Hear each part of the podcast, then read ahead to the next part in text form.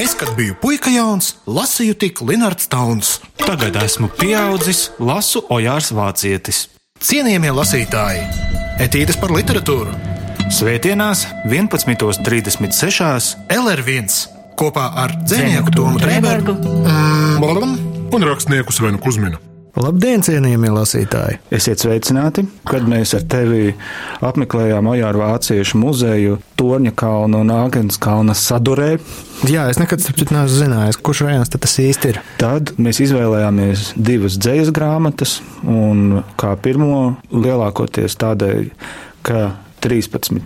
novembrī Ojāram Vācietim būtu palikuši 85 gadi, izvēlējāmies viņa dzējoļu grāmatu Nolemtība. Un ar šo grāmatu interesanti ir tas, ka sākotnēji bija paredzēts, ka tā sastāvēs galvenokārt no kultūras periodikā publicētajiem dzējoļiem, jo krājums iznāk divus gadus pēc dzēnieka nāves.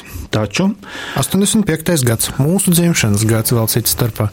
Taču pētot arī tos darbus, kas ir dzēnieka burtnīcās, jo viņš dzējoļus rakstīja vienkāršās padomju laiku skolēnu vajadzībām ražotās būrnīcās, pētot tajās atrodamos dzējoļus, sastādītāja Vija Kaņepe, es pieļauju, ka vēl ar kādiem kolēģiem, ar ko šo grāmatu sastādīja, izlēma, ka Tomēr otra puse šajā grāmatā, kas ir diezgan bieza, nu, protams, tā, formāts arī ir, kā, nav tik liels.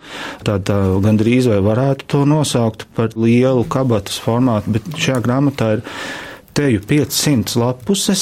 Jā, viņa tāda bieza, un tā otra puse ir faktiski otras divas trešdaļas, varētu teikt, ja ne pat vairāk. Nu, lūk, un tā tad tika pieņemts lēmums otru pusi piepildīt ar nekur nepublicētajiem dzējoļiem, jo, kā norāda bija Kaņepe, visdrīzāk vai nu 1984. vai 85. gadā būtu iznākusi jauna Ojāra vāciešu grāmata, jo no tiem cikliem, kurus viņš bija publicējis tikai presē vien, jau varēja izdot veselu krājumu. Tātad Ojārs vācietis un nolemtība.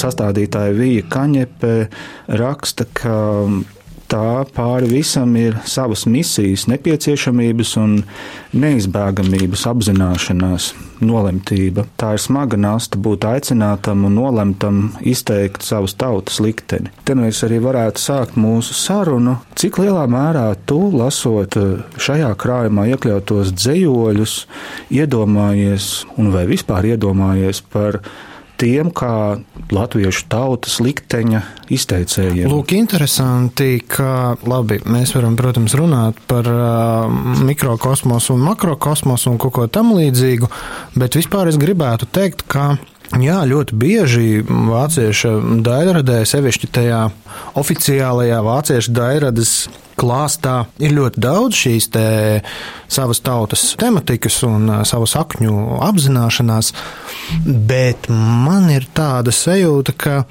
ir mazliet negodīgi pret pašu vācieti viņu nu, ielikt tikai šajā tautas dzinieka rāmī, tāpēc ka viņš ir arī viens no tiem, es pat teiktu, salīdzinoši nedaudzajiem, bet ļoti spēcīgajiem dziniekiem, kas ir pratuši nu, rakstīt arī kaut ko ļoti personisku un konkrēti tieši šajās burtnīcās sev par milzīgu pārsteigumu es atklāju iespējams personiskākos un tādus sev rakstītākos vāciešu darbus, kādus es jebkad esmu lasījis. Un par tautas dzēnieku mēs te varam runāt tikai kā par cilvēku, kurš raksta par savu dzīvi un varbūt apzinās, uh, nu, ka tā ir arī daļa no tautas likteņa. Nu, ir jau, ja mēs ņemam tā pa gabaliem. Jā, ļoti personisks krājums. Un sākot jau ar tādām pārdomām, kas no Liero epikas vispār absolūti prom un ir vienkārši tāda pašrefleksija, kaut kādi mēģinājumi saglabāt bērnību, saglabāt bērnu sevī, piemēram. Tas ļoti interesanti, ko tu teici par to bērnības. Bērnu saglabāšanu sevī. Jā, par bērnu Jā. saglabāšanu sevī, jo viņam ir dzējolī atmiņas, tādas rindas, kas paskaidro šo motīvu, kur viņš raksta jo es skaidrāk savu šļupstēšanu atcerēšos, jo būs lielāks skaidrums, lielāks biezums manā runā. Un, protams, tā šļupstēšana varbūt ar tām nav domātas bērnu dienas. Tā varbūt arī neveikla šļupstēšana vai arī kaut kāda nedrošība. Vai arī te varbūt agrīnā perioda dzējas centieni arī. Jā, bet man tādā pirmajā lasīšanas reizē sasaucās tomēr, ka tā ir bērnība, ka tu atceries savu dīksta stadiju. Nu, un es lasot šo ārkārtīgi privāto un intīmo, es pat teiktu, dzējas izlasi, es iedomājos pirmkārt par to, ka Ojārs Vācietis ir tāds personāžs, kurš Nu, zini, man liekas, pat kaut kādos mūsu pašu šļupstēšanas un agrīno literāro mēģinājumu laikos mums bija tāds ļoti svarīgs moto, kuru mm, es mazliet piecenzēšu radio vajadzībām, un atvieglotā versijā tas saucās nepakās bērnību. Un tas patiešām ir ārkārtīgi svarīgi neaiziet tajās ikdienas drazās un sīkumos un saglabāt ne tikai šļupstēšanu, bet arī tīrību kaut kādu, lai vispār spētu kaut ko rakstīt un saprātīgi domāt. Tas un, tā kā arī Krišāns Zēļs kādreiz mēdz teikt, nenokar savu īpašo rūpnīcu. Lūk, lūk, lūk, un vācietis patiešām ļoti cenšas nenokārt to īpašo rūpnīcu, un man ļoti aizkustināja tie momenti, kur viņš raksta, piemēram, ka, nu, neapsmejiet manu bērnību, viņa jau tā tikai mazliet atļaujās pabāzt galvu tur aiz durvju ailes. Un tad viens dzējols vispār pilnīgi satricināja, viņš saucās bērns, un ir ne vairāk, ne mazāk šāds.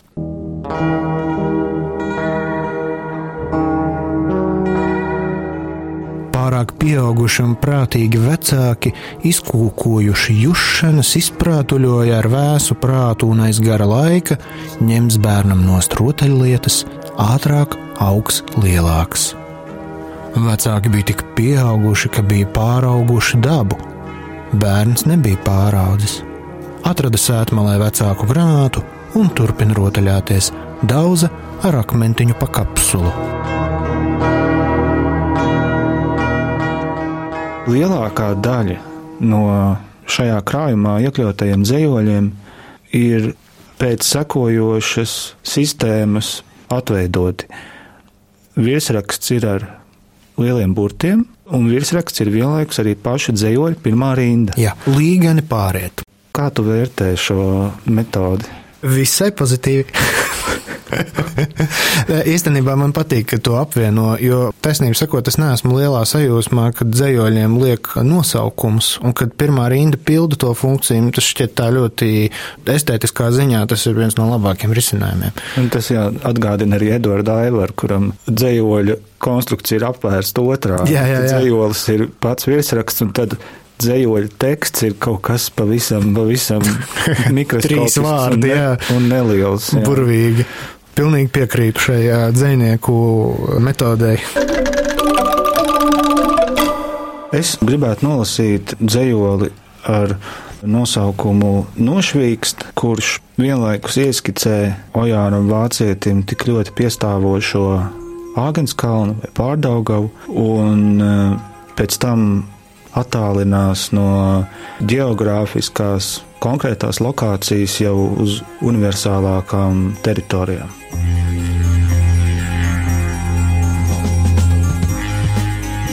Nošvīkst vēl viena bulta, vēl viena milzīga diena ieorbjas saurietā, pagātnē. Es jau no rīta sapratu, ka tā būs milzīga. Pamodos ar tik milzīgi skaidrām acīm, ka asi redzēju savu vietu laikā un cilvēkos. Laikā, tagadnē, pagātnē, nākotnē vienlaicīgi. Cilvēkos ar plusa vai mīnusa zīmi, bet visos vienlaicīgi. Ja arī X vai Y, tad arī ar savu zīmi. Un tad tā milzīgā diena nāca man virsū, tik milzīgi nepasakāmi kā raudiens. Pabūdams tikai maziņā lokā, no savas tautas, es paspēju pabūt pie daudzām. Braukdams ar savu piekto tramvaju, es biju izbraukājis puspasaules, ne tikai kilometros. Izrādās, milzīgās dienās mans vecais piektais iet arī pagājībā un nākamībā. Un tagad šī diena, šī būta, ieurbjas saulrietā. Pagājusi nekādā ziņā, milzīgais nepaiet, milzīgam vispār nav paiešanas, milzīgais paliek ar mums, sargāt no sīkā.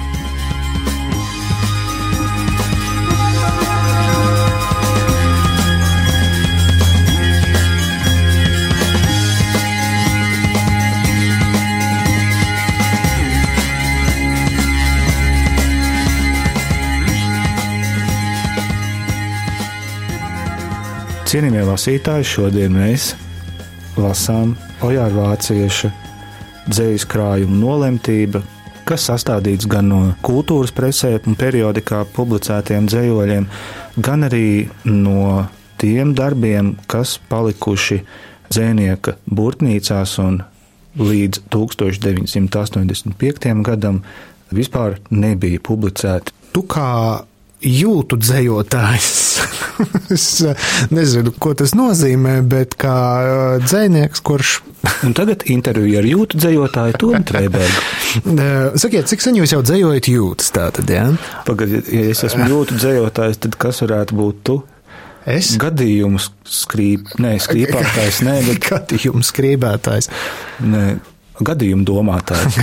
gadījumu domātājs, drīzāk uztvērējs, bet. Mm, Faktradis. Bet kā tu, piemēram, Fa, pagaidi, faktrada. Nu, faktrada ir tas, ko mūsdienās sauc par fake news. Šo man lūdzu, šādas ziņas man rādīt, tā ir faktrada. bet, klā, nē, nu, bet atmetot faktrada pie malas. Kā tu, piemēram, jūties saistībā ar dzējoļiem, kuri parāda to, ka tu kā lasītājs viņus ne tikai izjutīsi, bet arī šifrēs? Un ar šifrēšanu es nedomāju tādu nu, kaut kādu dziļu nosacītību, kā tas varbūt ir Majevska gadījumā, bet tādu izdarāmu šifrēšanu. Tādu, kur atslēga ir tajās rindās. Tu pie šifra vari tikt ar to, ko tev dzinieks ir devis. Tur ir jānodarbojas ar šifrēšanu. Kaut kādā ziņā es tev piekrītu par to, ka šeit nav koda, kurš ir jāuzlauž bet tas kods teorētiski vispār ir atvērts. Bet, mm. lai arī viņš ir atvērts, tas nenozīmē, ka tu vari ieskatīties tajā slēgumā uzreiz. Tev ir kā pašam jābūt tajā atslēgai, jāieguļas gropēs vai tajā reliefā vai profilā, un ja tu iegulies, tajā brīdī ir divi scenāriji. Pirmais, tu ieraugi zem valodas tieši precīzi tos apzīmētājus, kas tev ir piedāvāti, un otrs scenārijs ir tāds, ka tu ieraugi zem šiem apzīmētājiem kaut ko citu. Saki, kā tev, kurš scenārijs tev bija vairāk šajā grāmatā? Manuprāt, tas pirmais. Tas pirmais, ja? jā. Kad tu redzi tos traumas, kas tur ir zem tiem vārdiem. Es redzu tos traumas, kas ir zem vārdiem, bet tā ir spoguļošanās. Mm. Un mazāk varbūt bija tie gadījumi, kuros parādījās tēmēta metafora apzināts aizplīvojums vai arī šķietamība, sākotnēji šķietamība.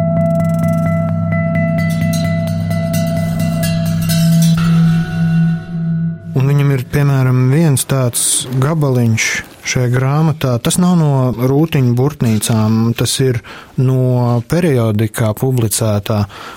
Un es biju ārkārtīgi izbrīnīts par to, kā vispār 80. gadu pirmajā pusē presa ko tādu atļāvās publicēt, un tad es iedomājos, ej, nu sazini, varbūt, ka vai nu redakcija to metaforu neatšifrēja, Vai arī glābļīt neatšifrēja? nu, jā, nu, vai arī nosprieda, ka ir uh, gana metaforizēts, lai uh, varētu pieļaut. Lai būtu droši. Jā, jo, piemēram, te ir kaut kas tik ļoti dziļi intīms, par ko es saprotu, kāpēc dzēnieks varētu būt gribējis rakstīt par um, savām kaut kādām īslaicīgām vēlmēm šo dzīvi pabeigt priekšlaicīgi, bet viņš to ir aprakstījis, lūk, kā tu saki, ar tēmētu metaforu. Un, man liekas, šis ir viens no tumšākajiem vāciešu darbiem, ko es esmu lasījis. Un es tiešām ļoti cienu un apbrīnoju to, ka viņš ir ļāvis mums šai savā tumsā ieskatīties. Un tas skan tā. Tā ir trešā noslēdzošā daļa no tādas kā triloģijas gandrīz. Nu, var jau ietiepīgi liekties, mazāk kungstēt, bet dzīves vētrā katram sagadīties var tik zemu liekties, ka visai tuvu paša pielikts punkts es vienu mirkli neaizmirsīšu, un tajā sevi asi spilgti pārāk. Pār mani dzīve noliecās, tu tikko, tikko mani nenodevi.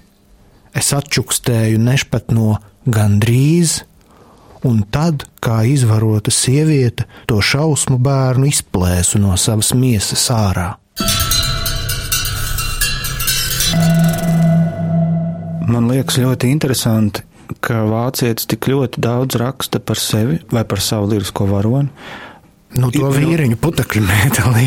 ļoti daudz izmantojot nu, jā, šo pirmās personas vietnieku vārdu. Taču tajā pašā laikā man liekas, ka tā ir riņķošana ap savu orbītu. Nu, jo atcerieties, piemēram, kādreiz arī mūsu vai nu tur literārajā nometnē aicinājums, vai arī jauno autoru seminārā Dažreiz recenzenti norādīja jaunajiem autoriem, ka aizraušanās ar to es viņa var būt ļoti riskanta, jo lasītājiem autora figūra sāk augt kā tāds milzis, un vienā brīdī viņš vienkārši uzgāžas lasītājiem virsū, viņu nosmacē. Bet vācietim tā nav. Un varbūt tāpēc, ka pārāk interesants un saistošs ir tas cits, par ko viņš runā tajā konkrētajā dzējolī. Un tam literārajam varonim tu pārliec viņam pāri, lai redzētu, kas notiek vai nu ar otru personu, vai arī ar sabiedrību, vai arī ar sabiedrības kaut kādām grupām. Vai arī vēl labāk. Vai arī, teiksim, tā ir vide. Nevis personas, bet vide. Un viņš nāk pie tevis un stāsta, es redzēju to un to, vai arī paskatīsimies uz vienu gadījumu, ko es gribu te pastāstīt. Es stāvu tur un tur, es runāju ar tevi, bet tu viņam paēdi garām. Nu, vismaz man tā bija. Vēl jau vairāk. Man liekas, ka tā pārkāpšana pāri pieļauj arī tādu versiju, ka tu vairs neesi vērotājs, bet ka tu piedalies tajā visā pats. Jo, piemēram, šis nu, tāds iekšēji plosošais dzējolis, ko es pēdējo nolasīju, ko līdz tu izlobi no čaulas, ko tad vācietis tajā tekstā tā ļoti it kā dzējas formā, bet patiesībā diezgan esejiski un gandrīz kā dienas grāmatā ir tev pasniedzis. Tu tā kā kļūsti par dalībnieku, un man liekas, ka ir diezgan liela iespēja kaut kādā tajā vismaz iespējamajā situācijā, nu, iztēloties arī sevi Un te dzējolis, jā, ar nosaukumu Romāns Moka, kurā viņš reflektē par savām attiecībām ar to literatūras formu.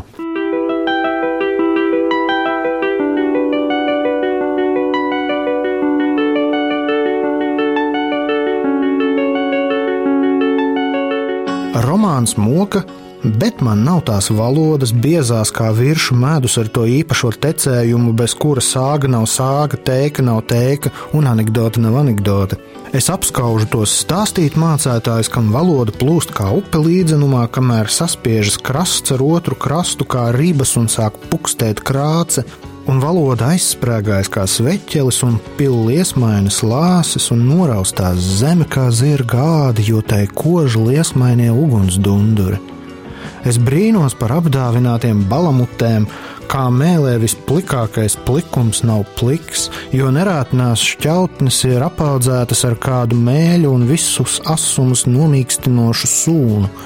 Un vai tikai šie mūsu līdz ar asarām smīdinošie nav vecajos galmos piemitušo ākstu un jogdaru pēc, pēc, pēc, pēc teči?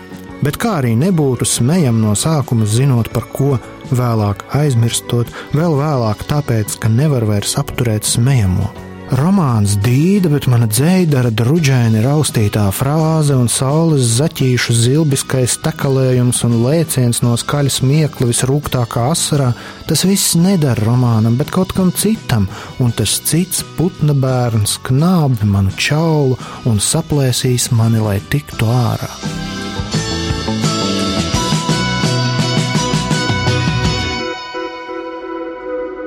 Tom jautājums tev un kaut kādā ziņā arī jums, cienījamie lasītāji.